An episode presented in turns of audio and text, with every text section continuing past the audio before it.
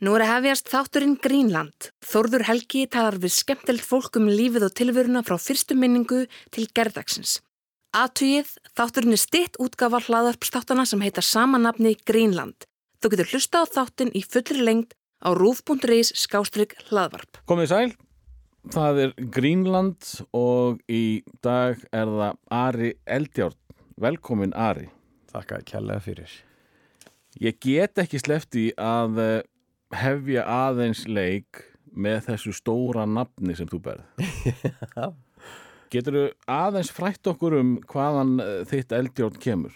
Já, sko, ég hef verið spurður ofta þessi gegnum tíðina. Mm. Það spurður að því fór í inntökupróf til að vera flugþjóðn hjá Æslandir og þá kom spurningin sent hvaðan kemur eldjóðsnafnið og ég svaraði með miklum skæting og sagði þarna það veit engin nákvæmlega hvaðan það kemur en uh, þetta er nafna verkfæri sem er úrelt og uh, einnig til nakkur frá íshestum sem heitir þessu ágæta nafni. En nákvæmlega hver upprunni orðsins er er ekki vita og þá var spurt já en ertu skildu fórsetanum já, já Kristján Eldjón, annar, hann var sem sagt afi minn.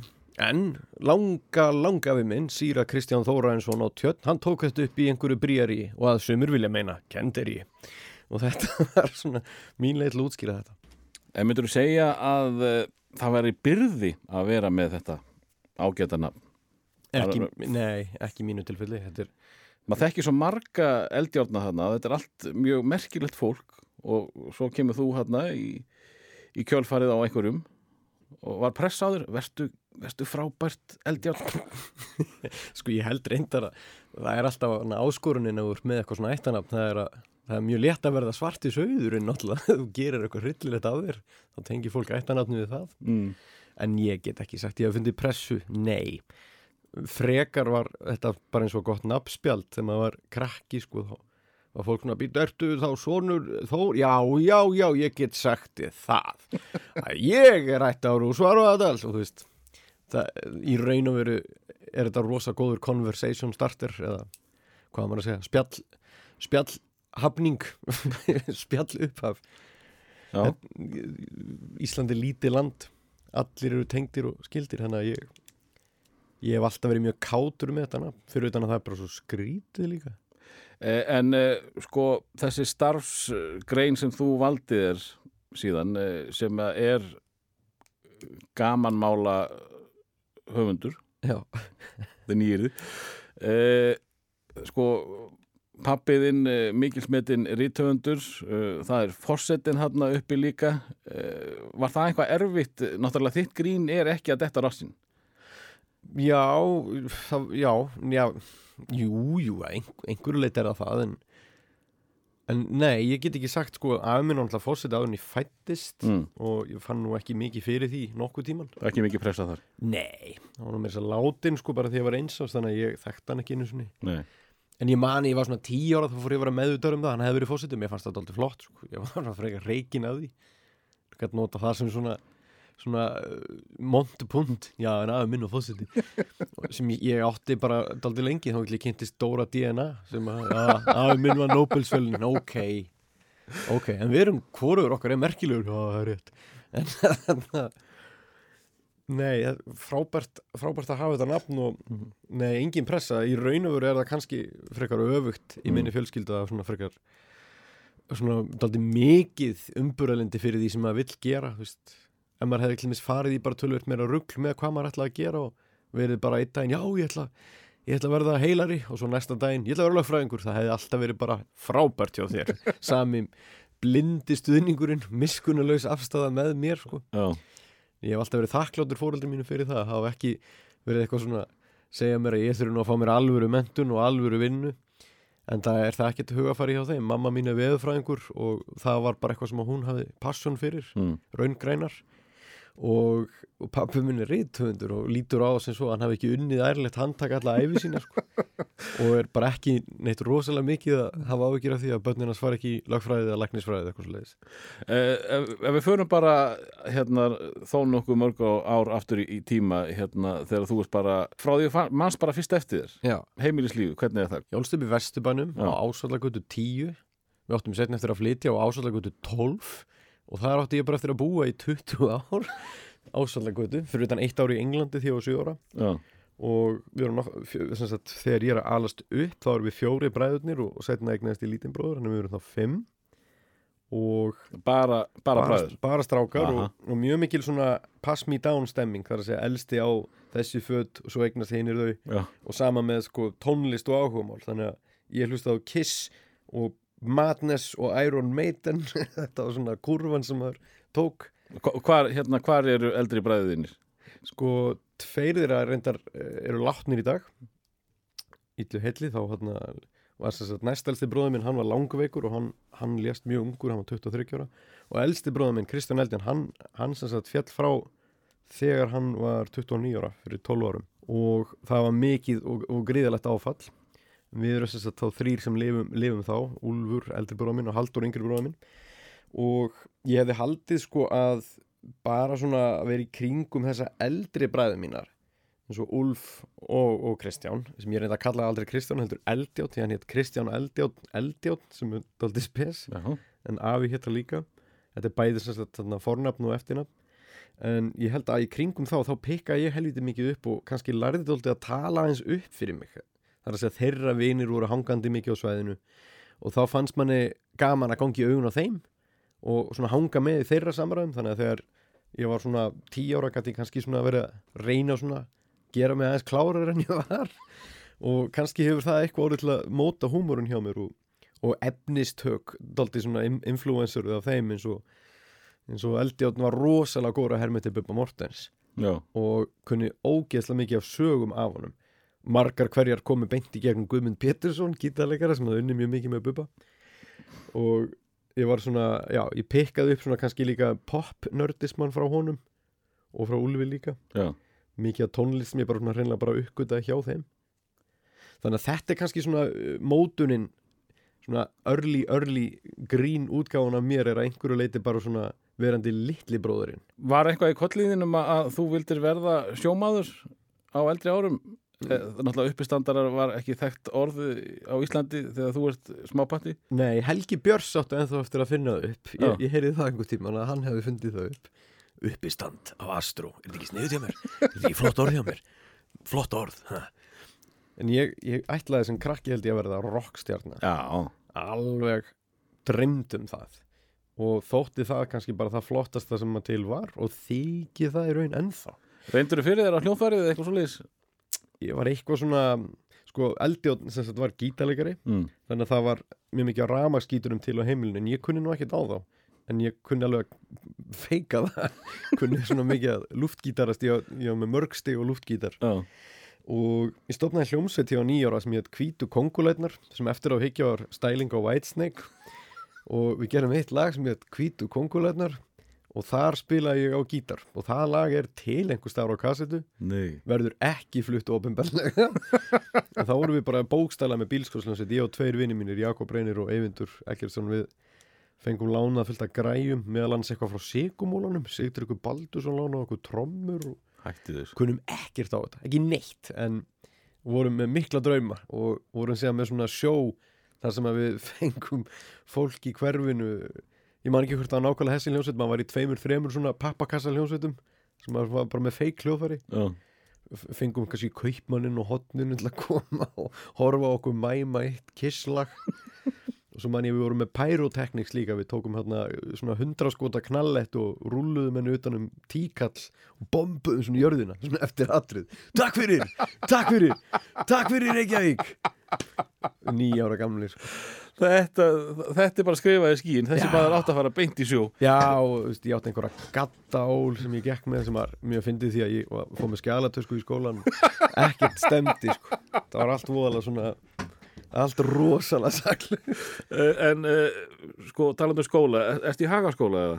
Ég var í landakott skóla það var Já. til ég var 12 ára sem að, var svona bæði gott og slæmt pínu lítill skóli og eitt setna átt að þurfa að koma ægileg hryllileg mál upp á yfirborðið með kennara í skólanum sem að Mhm. kendu mér báðir sem var mikið áfall að koma að stað en maður hafði ekki hugmynd um neitt svoleið sko. en ég man að það var alltaf svolítið svona það var svolítið stránt andrúnsloft í skólanum og, en margir frábæri kennarar og virkilega, virkilega svona bara mikið af fólki sem vann að það náttúrulega Mm.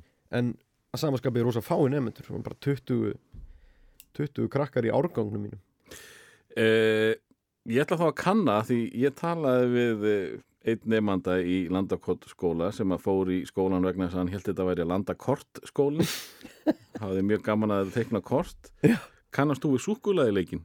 uh, Ég hef heyrt um þetta, já Uh. Ég hef heyrt, sko, jú, einhver svona keppni Já, það var einhver leikur þar sem að sá sem að vann fekk að borða eins mikið af súkulaði sem að var útrunnið með uh, hníf og gaffal held ég til að næsti vann eða eitthvað slið Já, mér mér ámar ég að hafa heyrt sögu Garðars tala um þetta og geri væntalega ráð fyrir Jú. að hún hafi sagt þér þetta.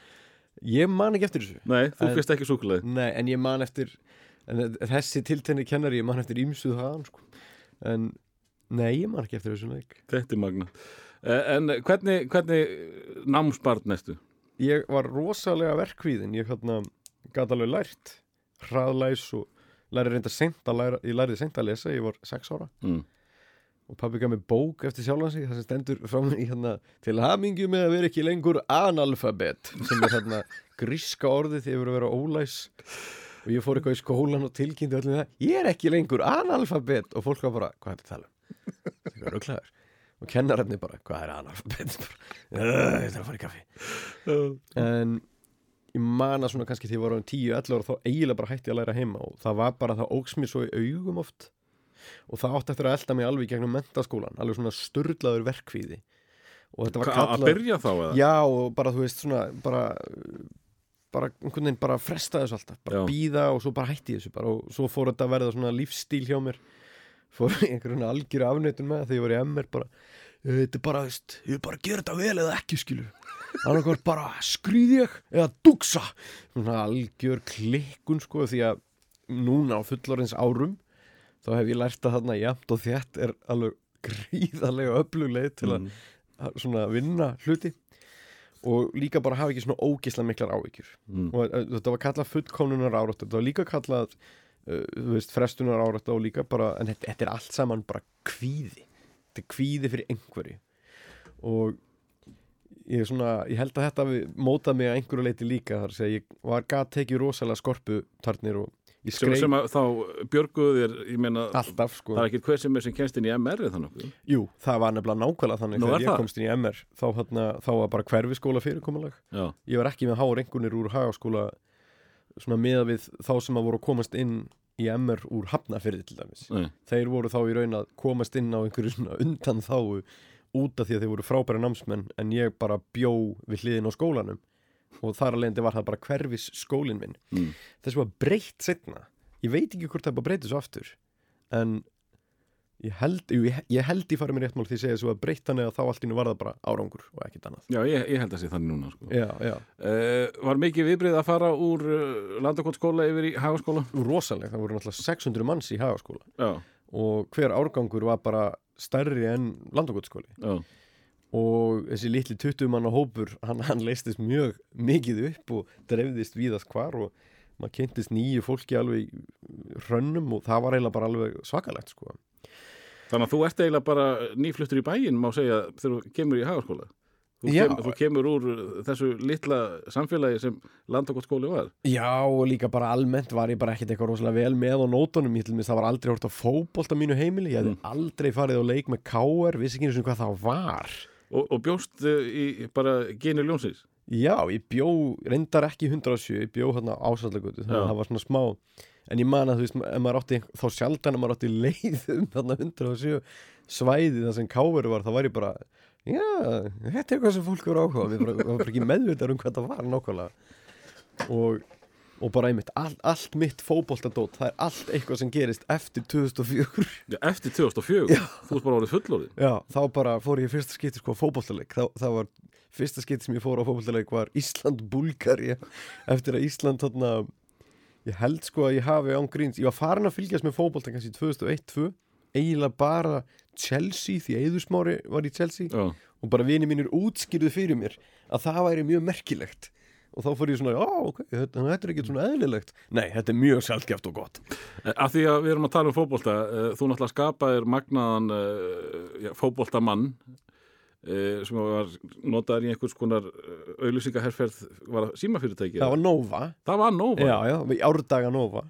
Og, og sagan á bakvið uh, þess, þennan karakter er uh, þú bjóst hann til erlendis eða ekki? Nei, sko þessi karakter er í raunin búin til út af því að ég ákvað sem sagt 2007 eða 6 og 7 þá ákvað ég til þess að ég hefði aldrei spilað fótbolta af minni og mér fannst það bara að vera allt í einu svo skelvilegt að hafa ekki einu svona hæfilegan til að kunna sparka í boltan ég bara lærði það aldrei. Mm. og ég sá hvað það var mikið félagstætt lím hjá félögum mínum að vera í einhverjum svona bumbuboltum eða þinguboltum eða hvað það er kallað á alltaf einhver meinhæðin nöfn brostnir draumar eða björbræði með og eitthvað svona. Og mér langaði bara að vera með því vera bara nógu góður til að vera bara svona í slaka boltanum. Hefja ferilinn í bumbubóltanum Já, en ég þurfti bara að læra að spila fótbolt. Ég þurfti bara að kenna mér það 25 ára sem var algjörlega fáralegt, ég bara hafði ekki hugmynd um hvað neitt var, ég kunni ekki að sparka í boltan ég vissi ekkert hvað maður átt að staðsetja sig hvað menn voru að reyna yfir höfuð. Já. og ég fór að fann á netinu um einhver svona fótbolta kennslu Já, alveg og eitt af þeim var frá held ég Middlesbrough. Rétt það sem var bara einhver svona tannlaus gamall þjálfari sem var bara með einhverja krakka og hann var svo ógæðislega útbrunnin og strángur í krakkan og var eitthvað come on my son, let's see my son yeah, yeah, step over the ball. Og eitthvað kenna þeim að taka skærin svona fárlega erfitt múf og já, þar, þar fór ég að þróa með mér eitthvað svona burnout karakter sem var hann að og svo byrjuði að gera þess að Nova herferð og hún var eitthvað svona svolítið snöggsofin að milli halvu ég var svona, ég ætlaði að gera eitthvað svona grínum að ég væri að læra þetta frá grunni Mm. og gæti nota síman til að skoða þessi mymbönd Já. og svo byggum við til mymböndin og þegar eins og ég læði þetta upp þá var þetta í raun bara svona einhver leikmynd að vera Já. með mymbönd um einhvern fótboltamann. Já, bara auka karakter í herferðin Já, sem bara sáu við auðlýsingarnar og mymböndin og sagði bara mymböndin er miklu fyndnar en auðlýsingarnar eins og gerist oft þá, veit maður ekkert endilega hvað það er sem er að fara að virka best og maður sá það líka bara í tökum á, á mymböndunum með Gary Duncan að hafa bara hleyið ókslega mikið. Og það, voru, það er líka bara þægilegt format þetta er einn maður að tala og, og vera bara ógislega heimskur. Og það er létt einhvern veginn fyrir mig að fara í karakter ef ég tala ensku því að Mm. þá er ég mjög meðvitaður um þetta er ekki ég, ég vil ekki gerfi sem ég haf aldrei prófað áður.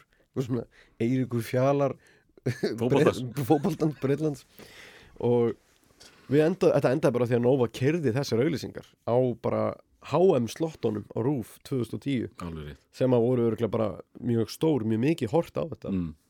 þannig að sú, sá karakter átti mjög skrýtna meðgöngu. Og þessi enski reymur sem hann talar er náttúrulega bara eitthvað svona mashup af einhverjum nokkurum enskum reymum sem ég svona hafði svona semi tilenga mér eftir að horta einhverja sjónvarsþætti og svona. En ég fann eitthvað spjallborð hjá liðinu sem hann spilaði fyrir Scunthorpe United Já. sem ég held ég væri að skálda upp ég vissi að Scunthorpe væri til og, og það hljómar eins og Scumthorpe Já. bara Þorp fullt, fullt af bakki og ég ákvað að segja Scumthorpe United því það hljómaði eitthvað svo lélegt við liðin á Manchester United sem bara er það til og þeir voru með spjallborða sem þessi maður kom til tals og það var eitthvað Auðstis Mappe He never played for Scumthorpe did he? He knows nothing about Scumthorpe Já, ok, þess að uh, the real life sá þennan ágæta mann. Já, og þá var eitthvað It's probably a piss take. He doesn't even mention Scunny Bunny. Þá er það hann að lukkutröllur Það er stór kanina sem kemur og veifar fólkinu þegar þið falla niður um deild. Kom líka í ljós að Bjarnólfur Lárusson hafði spilað fyrir þetta lið einhvern tíman Já, Hann það. Var að spyrja hvort að hann var í fyrirmyndina og svo hann eitthvað, ég veit það ekki, ætli það ekki bara, hver? Þú ferð frá Landakottskóla yfir í Hagaskóla og uh, við vorum eitthvað aðeins að tala um það að það hefur erfitt að fara þar inn. Uh, hvernig er að vera unglingur í Hagaskóla? Sérstaklega með uh, já, þennan grunn úr Landakottskóla Ég man að hafa mjög ókveikjandi að byrja í áttundabekk á þessum tíma var áttundabekkur í sérstakri almu sem var bara ein hurð inni og það var mjög létt fyrir leiðinlega eldri nefndur að sitja við þá hurð á bekkjum sem voru þar illu heilli og svona rek út lappirnar nú eða taka upp á því að loka hurðinni og rukka toll. Menn voru oft spurðir hvort þeir að vera með pening nei ég er ekki með pening hoppaðu. Svo myndi klingja í svona krónum en ég, ég fór nú heldur bara alltaf með veggjum fyrstu tvö árin sko. Já, sérstaklega voru einhverju svona skeri krakkar. Það var samt leikfélag aðna sem að Sigurjur Eithórsdóttir heitinn lest nýlega, hún stýrði því að mikilli snild og það var jóla eitthvað svona skemmtun alltaf á hverju ári það sem, var, það sem voru leikatrið frá áttundabekk, níundabekk og tíundabekk nú eða leikfélaginu það fór eftir í hvernig fyrirkomulegi var Mm. og svo að tískusýning sem er eitthvað sem er alveg horfið í dag sko, væri bara vonlust í dag að vera með tískusýning veldi. Já, ég sé eftir því. Ég, þetta er mitt uppáhalds áhorf. Það var góð leið til þess að sjá hverju voru vinsalir hverju voru í náðinni hverju var elitan, en ég man að ég leik í leikriti sem ég skrifaði, sem ég leik einhver... Nei, skri, hvað, hvað ertu gammal til að skrifa leikrið? Já, þetta er bara eitthvað bull leikrit þetta er bara eitthvað gert á hverju ári sko. Þetta er fyrir á feriskrona, skrifa Já, leikrið. Ég leik nasista í hérna einhverju grínleikriti sem við gerðum sem hefur örglega verið inspirerað eitthvað af producers eða eitthvað svo leiðis Já. sem fjallaði um eitthvað frönsku andspyrtun að þetta er meira allo allo Já. þetta hefur verið svona að kópjara allo allo sem var alltaf í sjónvarpinu, allt í hershöndum ég leik hérna eitthvað ég leik eitthvað uh, pyntingarmann eitthvað svona sérfræðing sem kom þá, we want to make you talk, eh og fekk mann í rosa hlátur og var alveg svona Og talaður ennsku? Nei, Nei. ég talaði með einhverjum þýskum hreim Ok. okay. svona, Þetta er mjög gott Já. eitthvað svona, sem er, þetta er örgulega aðeins áður en hann Jón Gnarleik hann Dr. Frölich Langa kissist á! Langa kannski kessja Dr. Frölich Sóða strák En þetta, þetta var allan að mann ég svolítið svona skemmtilegt Við leikum líka í leikriti sem ég heit Þú ert í blóma lífsins fýblið þitt Mm. sem Davíð Þór Jónsson skrifaði og hefur verið sett upp miljón sinnum af einhverjum svona nefndafélögum einhverjum svona barnaskólum og gagfræðaskólum aðlúta því það bara er einhvern veginn ekki til einhvern veginn fyrir þann aldursópi Já. svona unglinga leikri tólkjört þannig að það var mjög skemmtilegt en ég kannski var ekkert eitthvað rosalega stórtækur í félagslífinu í, í hagaskóla en ég fór að vera svona virkari í tíundabekk Mm. þá var maður bara fann að eignast miklu meira vinum og, og, og bekkinni og þegar maður stokkað upp aftur í tíundabekk þá, þá var einhvern veginn eitthvað svona gömul hugsun að það var hægferð, miðferð og hraðferð. Mm og ég fór í hraðferð. Já. það var rosa lítill munur á þeim öllum nema þarna var svona svolítið verið að búa til svona kannski einhvern svona hálgeran tossabekk með hægferð. Já, þetta var ekkert rosa gott kerfi held ég því að sumir sem fóru í hægferð vildu bara að það væri betur kent ég vil bara fá meiri kennslu Mhm. í stærðfræðinni en ekki vera kannski að lenda í því að, svona, að það væri bara eitthvað svona fullt af fólki sem bara hefði engan áhuga að læra einmitt. en það er búið að breyta þessu kerfi mjög oft síðan þá og setna að maður fyndi upp námsverð og eitthvað sluðis En uh, varstu sterkur persónulengi í barnaskóla eða, eða unlingaskóla, gaggó? Já, ég held að ég hef alveg verið mjög eftirminnilegur sko, Mm. á flestum þessum stöðum en náttúrulega pínu lítill í mér og, og, og, og rosalega svona lítið hjarta sko. Já, varstu, svolítið hrættu við fólki í kringu því? Já, rættu við að vera tekin fyrir og eitthvað svoleið sko, það, ég var eitthvað svo lítill ég var miklu minni, það voru margi vini mínir í barnaskóla voru alveg bara mjög stórir, Já. bara höfðin og herri en ég sko þannig að ég var svolítið svona óanað með það manni, sko. En þegar þú ert komin í, í tíundabekk uh, þá náttúrulega er engin eldri og þá varstu, þá varstu the man eða eitthvað. Nei, ég var ennþá alveg pínu lítið þá, sko. Já, það er sko bekkjamyndina mér í tíundabekk er alveg bara hilarious sko. Fólki finnst almennt fyndi hvað ég var barnalegur og, og er svona svolítið barnalegur ennþá en nei, nei, ég var það aldrei the man, ég, ég var alltaf litli gaurinn, sko. ég var alltaf svona svona gæðin sem sagði brandarana frekar en að vera eitthvað töffari sko. Og, og hvenar, hvenar fæðist þessi, þessi trúður sem að hérna, þú hefur þá unni með?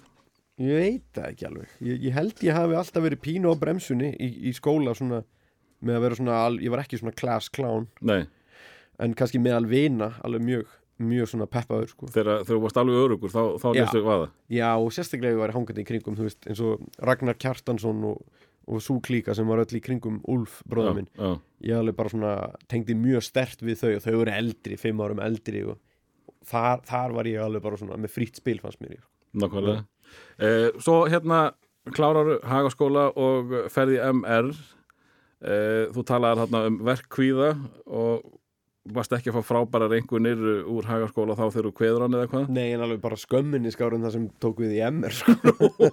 alveg, alveg, ég var allan að fá svona sjö og svo leiðist í hagaskóla en þegar ég kom í MR þá fór ég nú bara að kynast einhvernum með svo null og einn ok. og svo leiðist þetta er, er þetta ekki frekar strangur eða þungur skóli MR, þannig heyrir maður allan á sögurnar þetta sé ofsalega gamaldags þungt þarna inni og, Mhm. og, og, og ja- jafnvel erfiður og strangur. Ég, mann lappar inn í hann og það stendur að skrifa á veginn skólin er vígður, hann er heilagt hús.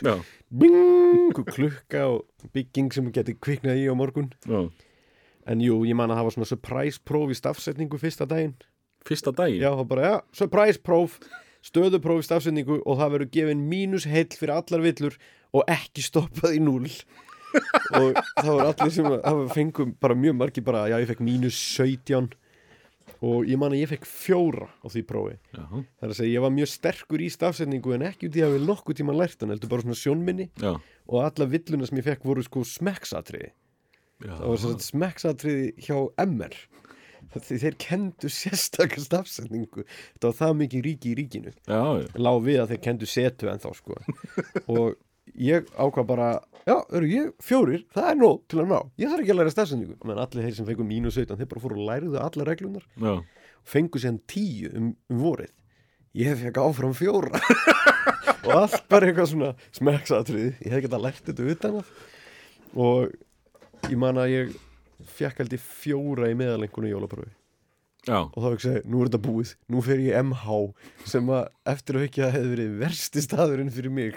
Því að þar getur þú fallið á önn en þú getur alltaf rettaður á vorun já, í MR að gasta allan á þá ég náði alltaf einhvern veginn að bjarga mér upp. Þú þurfti að fá yfir fimm í meðalengun og mátti ekki falla nema svo og svo mikið og eitthvað svolítið svo þurfti alltaf að taka endur upptöku próf og læra á sumrin. Þetta var algjör hryllingur. Nú er það? Já þetta var, ég var alltaf með eitthvað, að ég fekk þrjá í starffræði ja, þá þarf ég að læra fyrir endur upptöku prófið. Já, þannig að þú færði möguleikan já það var, það, það var sens á að taka upp uh, þrjú endur upptöku próf Já. þremu vikum setna en þá úr námsefni alls vetrarins sem að gera það svolítið erfiðara. Mm og svo máttur einu sinni falla á einu svoleiðsprófi og þá áttur einu eitt haustpróf einu sinni á ferlinum. Já, en ég notaði það kort strax allt. Ég tók bara þrjú enduruttökupróf og eitt haustpróf og komist upp á annað ár.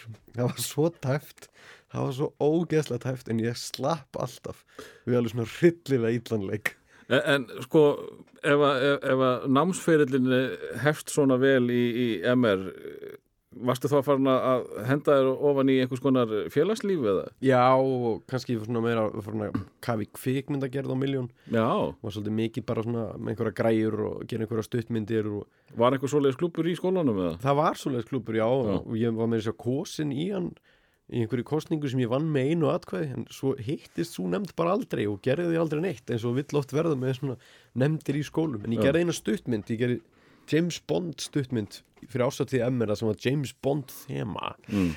og við vorum handteknir þegar við vorum að taka hann upp því að við vorum með gamlan riffil og einhver klagað okkur. Við vorum að taka upp í öskjulín einhverja senu og það var einhver maður einhver vélstjóri, ég sá nú nafnið hans á skýslinu setna, hann var í sömundaspilstúð með börnin sinu og bara, herru, við ringi bara lögla og þeir bara komu og bara leta okkur fara upp á stöð og voru með alls konar hótanir og Nú, okkur leist ekki á blíkun þetta endaði í blöðunum og allt. Nú, en það var ekkit, það var ekkit gert, það var, engin, það var ekkit brot per Nei. se. nei, en þeir tóku riffilinn af stráknum sem var með hann sko og plastskambisu en setna fekk hann riffilinn aftur en ekki plastskambisu hann þurfti að koma með afa sinni på lauruglustuðu sem var gamall norskur hermaður orðin 81 ára gamall mætti hann með staf og heldi sér við lögguna. Ég vil fá mín riffil aftur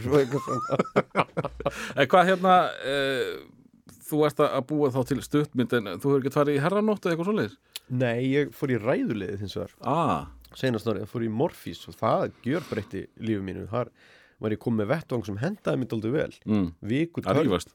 Nei, ekki, ekki rífast per se. Þó reyndar þá kannski fyrsta árið þá var maður daldið, daldið svona leðilegur í viðræðum því maður var búin að læra einhverja svona hryllilega grundvallar mælskulist einhverja, það er ekki satt, þú getur ekki aðlægt svona, þetta eru bara öfgar í báður áttir. Eitthvað svona rusl sem að maður segir í, í morfís til að vera með taktík. En ég læriði, en ég reyndi nú alltaf að bara vera fyndin þar og skrifa fyndna ræður og, Mm. og man að ég var með ég kefti einhverja eina keppni við töpum henni en ég man að var hleiðið ofbúrslega mikið og ég var miklu ánæður með það heldur en að hafa tapað það var ekki unnið sko. Fjöxtu þá einhvað ding í hausinn? já sko næstu ár sko ég uppgötaði einn mann þarna þegar ég var á seinast ári emmer þá uppgötaði þessar ræðukeppnir og fannst þær bara ógeðslega fyndnar Mm. það var mjög mikið af fyndnum ræðumönnum og það var haldin svona innanskólakeppni og það kom einn strákur fram í þriðja bekk sem er þess að fyrsta árið MR sem að var bara 15 ára, hann var ára undan og var valla röddinn hans var valla búin að breytast sko, hann var bara, hann talaði bara hér. Mm. og hann var svo ógeðslega fyndinn og kaltæðinn og skrítinn og öðruvísi. Og Bergur Ebbi, hann var einu svona í svona ræðukeppni líka. Hann kom og dæmdi þessa keppni og hann hlóð svo mikið og var bara myndi alltaf eftir þessum strák, hver er þetta? Það var hann Jóhann Alfreð. Já, og svo setna þegar ég var búin að útskrifast svona, þá var hann orðin formaður málfundafélagsins og, og þá var hann orðin svona ræðumar í ræðuliðinu og þá var ég fengið til að þjálfa liðið og þá byrjaði svona okkar samstarf. Mér fannst hann svo ógeðslega fyndin Jóhann Alfred já, og hann var geggjaður ræðumæður líka og hann er mitt kunni aldrei ræðuna sínar. Hann las þær bara á blaði og vann alla nánast. Við töpum einhverjum keppnum, úrslita keppnum og svona. Mm. en hann var hérna það var mjög gaman bara fundirnir sem við hittum, við vorum með umræfni sem voru galin eins og á að draga Ísland suður á bóginn og, og við vorum alveg á því sko Mm. og unnum þá keppni og lánaði með rökræm og einföld já, það skiptir ekki máli hvort þetta er hægt það er bara, ef það væri hægt, Mm. ættu að gera það og svo bara brandarar, brandarar, brandarar, brandarar, brandarar. það verður gott fyrir okkur, fá eitthvað suðrænt blóðin í einn landi. Ég, hérna, ég talaði nú annan uh, með Íslands bróðin og, og hann var í þessu uh, Morfís uh, hérna dæmi og hann var alltaf leiðilegurinn, hann fór aldrei í grín hver var það? Uh, Björn Bræði Já, já, Björn Bræði vann líka Morfís þarna, hann vann Morfís þrísvar og Já. gettu betur einu sinni. Já. Já, hann var líka úslega, hann var líka úslega leðilegt að keppa við hann. En hann fór ekki í gríni, hann, hann, hann sem sagt, það var kannski einhver uh, grínar á undan honum Já, og hann notaði það gegn honum. Já, hann var hryllilegur. Hann var, hann var, hann var svo erfitt að eiga við hann. Já, Ég man að fyrsta skipti sem hann vann úrslitin það var á móti okkur þá hérna vorum við búin að ákveða að Björn Bræði var hérna veiki lekkurinn í liðinu þetta væri bara einhver pretty boy já, það var einhver jock sem að vestlingarnir hefði valið og verið að skrifa einhverjar ræður honi fulla af einhverju frjálsíki þannig lítum við á vestlinga svo bara kom þessi hræðilegi brúni maður og bara rústaði okkur sko.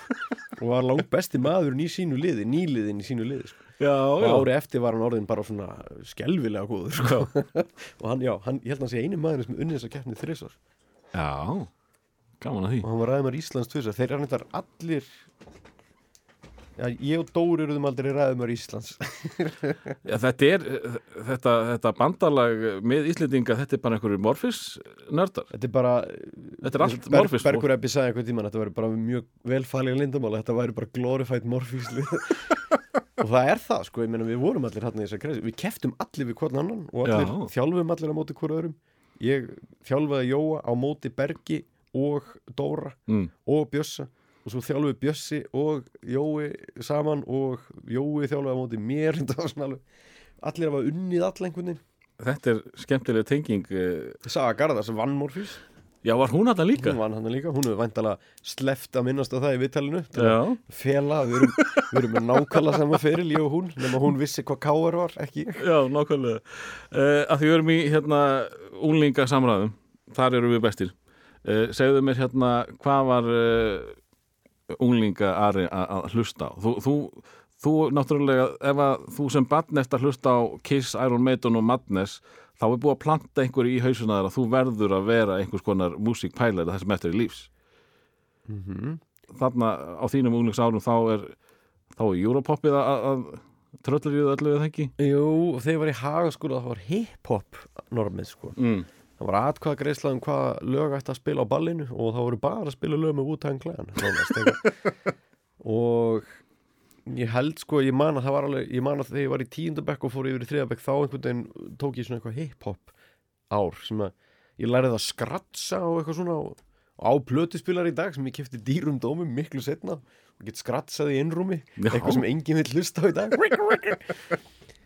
En þegar ég var komin í MR þá man ég að ég bara hlustaði bara alls konar. Ég hlustaði mikið á Smashing Pumpkins eitthvað svona melankólist og gott Já, sem, sem er þá rauntíma dótið það ekki Jú, Já. var svona, jú, var það, jú uh, Melancholy and the Infinite Sadness Hún platan. kom út þegar ég var í tíundabæk og, og svo kom Adore út þegar ég var í fymtabæk mm. þannig að það var svona svolítið rauntíma dót en svo dætti ég í Smiths í fymtabæk og það er þá 10 ára gamalt töffið eða eitthvað Jú, alveg bara eldgamalt, 15 ára gamalt jafnvel sko. Já. Eftir mentaskóla, hvað gerir þú þá? Það er bara mjög svona mótandi tími sem tók við, ég var mjög svona stefnulegs og, og ráfandi misti bróðu minn á þessum tíma Mm. líka. Þetta var því ég var svona 20-21 ás, þá held ég bara unni við hitt og þetta og helst ekki lengi vinn á neinu stað, ég vann bæði á DFF og sem verkamaður og, Áttur er með að finna hvað þú vildi gera Já, að finna þig bara Já, í hug og bara, hafði bara engan húmor fyrir þessu að vera einhver launþegi á Íslandi. Mm. Þetta er bara ömulegt ég var bara rosalega, rosalega fúll með, með það, ég var náttúrulega held ég bara mjög hrættur við hvað myndi býða mín eftir mentaskóla En Þú ert eitt, þú ert ekkert með kærustu eða þú ert bara að berð aðbúra sjálfum þér, er það ekki? þarna, Já, uh, jú, en ég reyndar kynntist um kæristunum minni og byrjaði með henni 2002 já, og ég hugsi ég hafi verið svona daldið walking the earth svona kannski fyrstu 2-3 árin eftir mentaskóla mm. bara svona prófandi hitt og þetta og bara atvinnulegst, smá svona tímabil hér og þar En varstu þá, varstu þá komið þessar grillur í, í hausina þar að, að, skrifa eða Já, vera ég- grínari eða? Já, kvikmyndagerð var alltaf einhvern veginn ég, ég sótti um að fara í kvikmyndaskóla í Danmörku, Mm. den dansku filmskólu sem að Dagur Kári er að kenna í núna og Já. var sjálfur í komst eitthvað aðeins áleiðis í prófi en var ekki tilbaka og, og þess samme var til bara hann einhvers konar afstæða gagvar Danmörku sem hefur oft komið fram í uppistandinu mínu. Já, já, þeir eru líka með jantelofin og eitthvað svona. Who needs them, puff, þeir eru, eru ömulegir Já. en ég prófaði það manni og já, var bara svona fikra mig áfram í hinn og þessu. En svo fór kannski svona einhver svona það fór eitthvað að rofa til hjá mér og eitthvað að breytast. Ég, ég, ég var í raun alltaf að plana það um mitt að gera eitthvað kreatíft, eitthvað, eitthvað fyndið en ég kynnti sem Bergjabba, ég kynnti þónum svona 2002 þá vorum við að vinna saman í þjóðmínasafninu og ég vissi reyndar að hann var að vinna þar Mm. og hafði aðeins kannast við hann áður, mér fannst hann skemmtilegur Þið voru búin að þekkjast að hittast eitthvað kynntumst lauslega eitthvað í gegnum Morfís Já. og eitthvað svona, gegnum MR en ég hafði í raun ekkert hitt hann á þeim árum sko. en þegar við vorum báður útskrifaður þá Þannig að klíkan verður ekki til í Morfís á, í gamla dag nei, nei, nei, nei, Sko, Nei. ég kynntist Jóa í MR Mm. kynntist Bergi eða beint eftir MR svo fyrir að vinna með Bergi við vorum báður bara svona verkamenn í þjóðminnasafninu þegar við vorum að taka það í gegn og, Mm. og hann er magnaður karakter gríðalega drífandi, þetta er áður en hann stopnaði sprengjuhöllina sem hann stopnaði bara sem svona persónulegri áskorun fyrir sjálfan sig okay.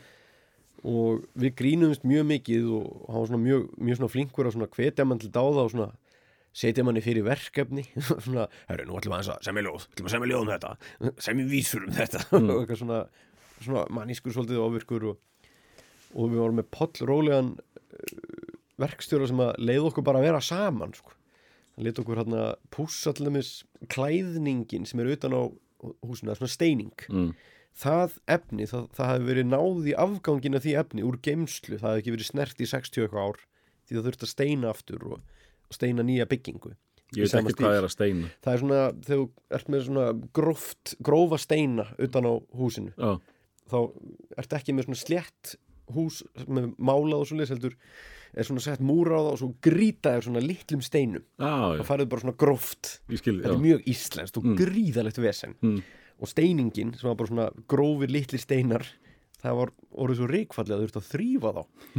Og þetta hafa smíðað eitthvað risa sikti og svo voru við látnir sturta smá í það og, og skóla steinana. Þetta er bara eins og að hreinsa sand. Það er það sem við vorum að gera. Við vorum að hreinsa sand og, og við vorum, þetta var svo leðilegt og vorum að dömpa reynu í eitthvað fiskikar og við sömdum einhverja vísu sem við sungum á meðan á ensku. Og við vorum eitthvað svona hey ho, here we go! Vorum einhverju svona enskir verkamenn. We're off to Lancashire. Eitthvað svona bull. Og við gátum bulla svo ógeðslega mikið og maður fann það strax að það var eitthvað svona það var eitthvað svona brjálaði sem fór í gang þegar við hittumst sko og var mjög sterk taug sem var til og við, og við vorum alltaf að láta okkur dreymum að gera eitthvað Þarna kynnist þið almennilega og hafi verið síðan Já, með, með hljegum sko. Ber. Bergur flutti til Fraklands í, í eitt ár og, og svo duttu við aftur í samband einhvern veginn þegar kom heim og svo stopnaði hann sprengjuhöllin og svo var það bara vinsalast hljómsveit landsins mm. ég man að hann spilaði í fyrsta skipti fyrir mig hérna uh, hvað heitla, tímanir okkar. Já, hann kom að spilaði fyrir mig einn á gítar hann, hann gæti alltaf skipt um grip og var ekkit eitthvað brjálaðislega góður söngur hann er ekki frábærsöngari og hérna, ég man að þegar hann var að syngja þá var ég, æ, auðmíkja bergur að hann skulle vera að reyna þetta. Ó, vel, ég vona allan að hann verði ekki fyrir ofmiklum ombröðum þegar ekkert gengur og allir byrja að hlæja að honum, þú veist, þannig leiti ég bara á það. Já, og svo var það bara svo mikið in your face. Já, það var svo geggja hvað hann einhvern veginn bara og hann var svo mikill drifkraftur líka. Já, og svo fyndin þegar hann var að kynna og, og mikill visionary sko, hann var að með svona manifesto sem hann skrifaði á plötuna. Þetta eru tímatnir okkar. Mikla vangaveltur. Og já, ég, ég svona, sá svolítið á honum á þeim tíma. Mhm. og, og var þá kannski farin að fikra með eitthvað smá. Ég, ég fór í kvikmyndaskóli í millin, ég fór í handritanám í Englandi. Og fekk að skrifa skaupið því ég var nýkomin heim Býtu, hva, mástu hvað ár það er? 2006 skrifaði skaupið með Býtu, það er þá eitt af því bara fyrsta sem þú gerir eitthvað? Já, Hvernig, hvernig kemst í grímspunktu. Það var þannig að Úlfur, bróður minn, Mm. hann hefði unnið mjög mikið með leikstjórunum, Reyni Lingdal, gert fullt af auglýsingum, ég heldur að við gert saman hann að Iceland Express auglýsingarna með heimsborgaran Já, sem var að tala um að í útlöndum er allir að jacka nákvæmlega það er allt tískan í dag, ég held að þeir, ég held að þeir hafi gert það og Reyni vildi fá hann en hann sagði sko, heyrðu, ég til ég að fá bara bróðu minn inn hérna á bara uh, hálfdrættingshlut fyrir okkur báða. Mm. því að honum fannst sem að ég þyrfti að fá að spreita með þessu sem að mjög fannst mjög fallega gert á honum. Og svo datt einn handritsöfundurinn út held að það veri Hjálmar Hjálmarsson. Mm. og þá einhvern veginn var bara full manna og þá var ég bara orðin bara fullblón handritsöfundur Já, og hugleikur var hann líka og hann er frændi okkar þannig að það var stutt í grínu þar kynntist Þorsteini Guðmundsinni hana mm. og Margréti Örnórsdóttur þetta var allt alveg toppfólk Mm. og við bara skrifuðum all 25 skatsa hverju sínu hotni hittumst annars leið það var mjög þægilegt og svo bara valdi reynir úr og Þorstein var eitthvað aðeins að hjálpa hann í því Mm. og það var algjörlega geggjað, þú veist, ég, ég skrifaði bíl springur og reynir bara sprengt upp bíl það voru meiri peningar í skaupinu þá Þarna þá vantarlega bara springur þú út og, og þarna, herðu, ég veit hvað ég vil, vil gera Svolítið, ég var að vinna auðlýsingastofu þarna líka og það hjálpaði mér held ég mjög mikið mm. bæði bara að fá eitthvað know-how og kynnast fólki og... og varstu þá einn af þessum hugmyndasmiðum og, og textahugmyndum Já, Já. ég gerði nú ekki mikið samt, sko, ég var nú alveg bara í einhverju góðu stuði yfir kaffibóllanum sko. Ég held ég hef meira verið fengið að, fengi að vera bara upp á stemminguna að hafa mig sko. góður á fundum og svona ekki drósa góður í að klára hluti Er það ekki á þessum tíma sem að þú, þú tekur humarinn?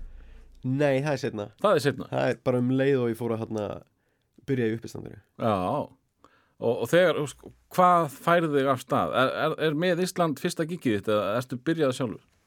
Nei, ég, Dóri og Bergur byrjuðu Mm. bara tveir á prikinu og ég var alveg galopin manni á þessum tíma mér langaði svo mikið að prófa nýja hluti Mm. og þetta var eitthvað sem ég var búin að hugsa um í nokkur ár Snorri Hergill var uppistandur í Englandi Mm. kynntist honum eitthvað nei, ég reynda kynntist honum setna en ég vissi af honum þekkti fólk sem þekkti hann þegar ég bjó í London í eitt ár þegar ég var í kvipnaskólanum Mm. og þá var ég svolítið að hugsa ætti maður kannski einhvern tímann að prófa uppistand ekki kannski prófa hérna úti ef ég prófa hérna úti þá get ég kannski svona aðeins lært á þetta hér og þá þarf maður ekkert eitthvað Ekki byrjaðar á ennsku Nei, sko, ég, þetta var það sem ég var svona að hugsa Já.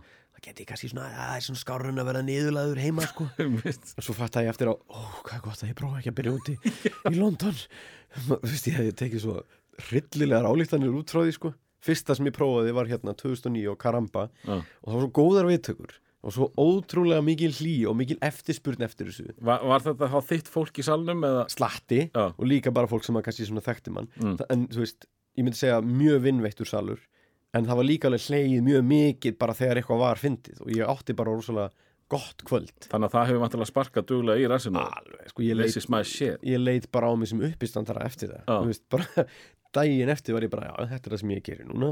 Ekkert samt farin að vinna við þetta en þá Hvað áttu gammal þannig? 27, ára 28 Já, og varst ekki búin að finna stefnuna nákvæmlega í lífinu? Nei, en Nei. var svona var búin að vera eitthvað deginn svona eitthvað tengt kveipinu gerð, eitthvað tengt skrifum eitthvað tengt gríni. Já, og ég held að ég hef oft verið að hugsa meir um að gera kannski eitthvað svona eitthvað svona eins og fósbræður eða eitthvað svoleiðis. Ekkert endilega vera að pæla í stand-up hlutanum af þessu sko. En hann var alltaf bara aðal. Eitt af mörgum sem að þú gerir skemmtileg það eru, það eru þessar eftirhermur. Hmm. og hvenar, hvenar dettur það inn? ég var bara með þess að bubba eftir hermu alltaf. Já, og hvenar bara ég var krakki sko byrjar í bubba bara krakki? ég meina eldjátt bróður minn sagt, hann lekan sko Já, hann, og þú fórst að herma eftir eldjörni? já, já, bara, hann, hann bara kunni svo marga sögur af honum og já, já. þú veist, þegar hann var 12 ára þá var hann í vídeolegu að skoða einhverja vídeospólur og var að skoða hulstur og mynd sem hétt þarna Performance með Mick Jagger Mm. var ekki, að Mick Jagger, pæli þessari svo bara kom hönd, bara tók spóluna ekki horfa þessa vinur, þetta er drasl þetta er rusl, hérna ég, ég skal lega mynd hérna fyrir, þig, hún er bönnina 16 en hún er miklu, miklu, miklu betri. Og bara þú skilar henni þú getur og, og leta hann bara fá mynd, bara tók hann og sitt nafn. Þetta var Bubbi. Og þetta var myndin Deliverance. Með, mjög frægu atriði. Jú, vissulega. Og hann fór að horfa á hann á 12 ára og var bara Bubi Mortens sagði mér að horfa þessa mynd. Svo kynntist hann honum aðeins einna á eitthvað Já. svona. En ég var með þessi eftirhæmi frá honum og hann þekkti Jakob Fríman líka rosa vel mm. hann var að vinna fyrir stuðmenn þegar þeir voru með hérna útiháttíðarnar í Húnaveri Já, þá held ég að Eldjárn og jafnvel Jónatli vinnur hans hafi gengið um og verið eitthvað svona rukka fólk sem hafa búið svindla sér inn og eitthvað svo leis og, og hann kunni bara miljón sögur af einhverjum svona 70s poppurum, þú veist, sögur af hljónsettinni Eik, sögur af hljónsettinni Svanfríður og eitthvað svona dót sem hann var bara búin að læra hér og þar. þannig að hann uh, sagði er þá eins og maður sem sagði honum sögurnar eða hvað? Já, og, Já. Hann, og hann var drullu flinkur að segja frá, var mjög Mm. fyndinn, hann var í raun bara alveg eins og uppistandri, hann var kannski með einhverja pælingu sem hann var að viðra þann daginn við fólk og maður heyrði hann kannski maður hjekk með honum, segja þrejum fjórum frá því og sá hvernig svona grínið alltaf þróaðist. Mm og, og já, ég held að sko ég var bara með, ég átti á lager slatta af einhverju svona dóti og það var bara mjög létt að hoppa beint í það að vera bara með fullblón bubba eftir hermi, ég var með rosa sirpumann í fyrsta uppstandinu mín og það vakti heldur bara mikla aðtíkli -hmm. Já, þú, þú náttúrulega sko, uh, þú varst eiginlega svo fyrsti sem að ákvasta að taka bubba á þess að vera brjálaður. Já, þeir sem að hendu eftir Bubba, voru alltaf annarkost að lýsa bóksið eða eitthvað, það var það alltaf svo mikið að gera það var alltaf sömu brandarinn það var, hann, var, það var Bobba. og það var hann væri lesblindur. Já, og ég til dæmis ákvaða að snerta aldrei á því að hann væri lesblindur eða skriftblindur því að mér fannst það bara einhvern veginn, einhvern veginn ég bara, nei, mér fannst það ekki nú að sem, þetta er svona einn af fáum hlutum líka sem hann getur ekkert gert í. Og nákvæmlega mér fannst ekkert eitthvað rosa gott að vera hjóli í það. En ég skil alveg að fólk hlægi að bópa á eitthvað svo leiðis En, en sko, er ekki líka gott sparki ræsinaður þegar að hérna, þið komið hingað á Rást 2 með Ísland og þú tekur þessa frægu bubba eftir hermið þar Jú, við byggum Það- til hennan skets fyrir þann þátt. Já, og þar, þar slæði, þar Jú, eru það, margir sem er að heyri þér í fyrsta skipti. Jú, það var tóldi svona væral dæmi. Mm. en það, Bergur tók það upp heima á sér. Við byggum það bara til sjálfur og svo var það bara að spila í útarpinu ég man að við Jói hittumst og sömdum það sérstaklega. Og ég var bara á þessum tíma að hlusta svo mikið á bubbaþáttin ég, ég er ekki jafn góður held ég að leikan í dag. Mm. ég hef ekki gert það mjög lengi. Mm. því að mér fannst það bara að renna sitt skeið og, og ég vildi ekki fara að vera eftirherma per se því að ég er ekki drosalega góður að herma eftir. Það, það er oft sem að ég sé fólk sem er með mjög mikla takta og, og skrýtna hluti sem að eftirherma myndi bara vera slefandi yfir að fara að æfa sig á. Og ég er svona, ah, ah, ég tek vall eftir í en með Bubba held ég að ég hafi bara einhvern veginn attitútið hans var bara það sem mér fannst að fyndi svona talar oft aðeins yfir sig hann talar oft aðeins of hátembrað. Og svo stundum sussar hann yfir að vera bara allt og mikið real sko Já, og, og hlæra ótrúlegustu stöð já, sko, þegar ég gerði símatið með honum sem að Auðun Blöndal píndi mig til að gera og ég var alls ekki að fara að þóra að gera Mm. en er mjög fegin að hann píndi mig til að gera því það var mjög gaman og hefnaðist vel að sem við ringdum í umbúsmann Bubba þá vildi ég hafa Bubba við hliðina mér, ég setti það sem skilir sko, svo Náðu þið að plata umbósmann bubba? Já, hefur ekki séð þetta? Þetta er Nei. á, þetta er á hérna, YouTube eða vísir.is Já, ég ringdi hann og hann Bubbi sagði mér hvað ég geti sagt Ég sagði hann Palli minn, ég veikur, ég vil aflýsa tónleikonum og eitthvað svona og hann var bara að rífast um mig á fullu. Í lokin þá hann þá sagði Palli hann, já ok, ég vil þá ekki bara fá einhverja gestasöngura með þér eða eitthvað? Og ég leita það sem eitthvað skot og hann var að vísa í hérna gestasöngurina í jólatónleikonum hans Bó. Og Bubbi með sitt gamla Bó bíf var ekki ennþá búin að halda Bubba Bó tónleikana og slið þannig að ég segi, herru, ég ætla að breyta mér eitthvað björgvin hérna. Veikur líka, þá skjátlast ég þá fór Bubba hlæja svo ofsalega mikið að við, að við stoppum þess að trekkin og þá öskraði hann eitthvað Palli við þetta Bubbi hérna! Og það bara kom bara öskur ekki ég ætla að breyta mér í björgvin! Og svona hlátur. Palli minn, Já, heyrðu, ég er með slæma fréttir. Ég er bullandi veikur, ég er með hita beinverki og við þurfum bara, við þurfum bara að aflýsa þessu. Við þurfum að fresta þessum viku og tala við Börk og við þurfum að tala við Dada. Og bara senda tilkynningu á alla með, ég finna bara, þetta, ég er að missa þú? Þetta er bara, ég, ég, ég, að í er að segja þér það að það eru 90% líkur á að röddin verði farin á morgun. Það er ekki það röddin í eiga. Hún er aldrei. Já, ég finna sampali, ég kom með beinverki núna og þetta er, ég myndi ekki vera að segja þetta ef ég væri ekki að meina þetta. Þú ert vinum, þú ert ekki að æsa þér. Þú veist, Já, ég er ekki að æsa mig, þetta er bara, ég er að segja þetta strax. Hefur ekki bara að fá okkur gestasöngara með bara? Herru, Palli minn, ef þú heldur að ég ætla að breyta mér í einhvern björgun hérna, veikur í þokkaból, þá skjátlast ég.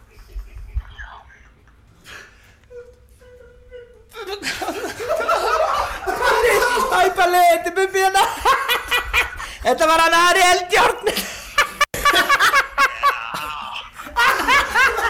Ég ætla að breyta mér í Björgvin. Og ég held sko án gríns að þetta væri of ykt bara ég var búin að, þetta bubbiljómar ekki svona. Búin að, þetta er allt of ykt eftir herma hjá honum og bara, þetta er hann.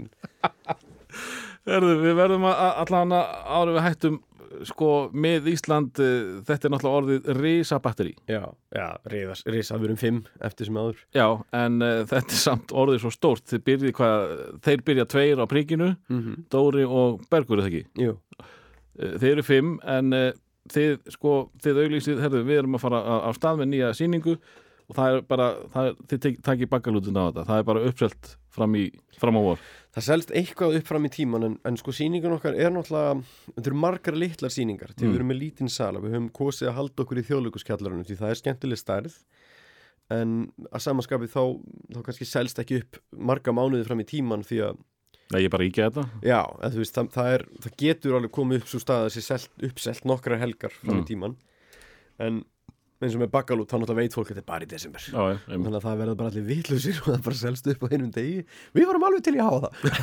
En, en þetta er, þetta er ykkar aðal vinnaðið það ekki? Jú, algjörlega. Sko, með Íslendingarnir, uh, þetta er nummer eitt og svo er kannski auka gig, það er nummer tvö og svo er allt hitt er nummer þrjú, er það ekki? Jú, en síðan sko eins og ég fer mjög mikið út í bæ að skemmta Já, hef það sem er svona hina aðalvinnuna. En eins og mm, sko Dóri er til dæmis bara að skrifa og búið til sjónvastætti núna. Mm, þannig að hann er minna í því en hann gera reyndar alveg líka sko. En hann er búin að vera bara einmitt að skrifa hérna mjög magnaða sjómaserju sem að fyrir tökubráðum og er bara svona aðal höfundur á henni. Ekki grína það? nei, bara svona drama eða jafnvel svona dramedy. Ok. ég veit um hvað hún er en, en ekkert mikið meir sko. Hljómar mjög vel. Mm og hann er að leikstyrið hún hann Hatti Gunni en uh, já, ég fer slatta á þessum tíma, janúar til april þá er bara svona hábjargræðis tími í íslenskum skemmtunum og, og Íslendingar eru mjög skrítnir með það að þeir halda svo mikið af stærstu viðbörunum í janúar til april Mm. og það er bara einhver gömul skamdegis þorra hegðun einhver á meðan sko í Svíþjóð það er bara allt steindautt í janúar því þá er jólin búin. Jólin er hápunkturinn hjá grínistunum þeir fá nóg að gera júlibord það er allir að skemmta jólahlaðbord en það ég er ekki mikið í því En, en eh, sko, svo hérna hafið þið su sumrin eiginlega bara alveg fyrir ykkur, er það ekki? ég sko á sömurinn er bara eiginlega engin ástæð til að vera með uppistandi eiginlega fyrir Nei. Íslandinga því þeir eru bara í fríi Já. og eru meira og minna bara ekki funksjónal Í dag, er eitthvað í, í pípunum? ég er á miljón að búa til grín og Fyrir þig þá, eða fyrir sjónvarp, eða ég, fyrir sjálfa mig ég hérna ákvað að taka mig bara fína pásu frá sjónvarpi Mm.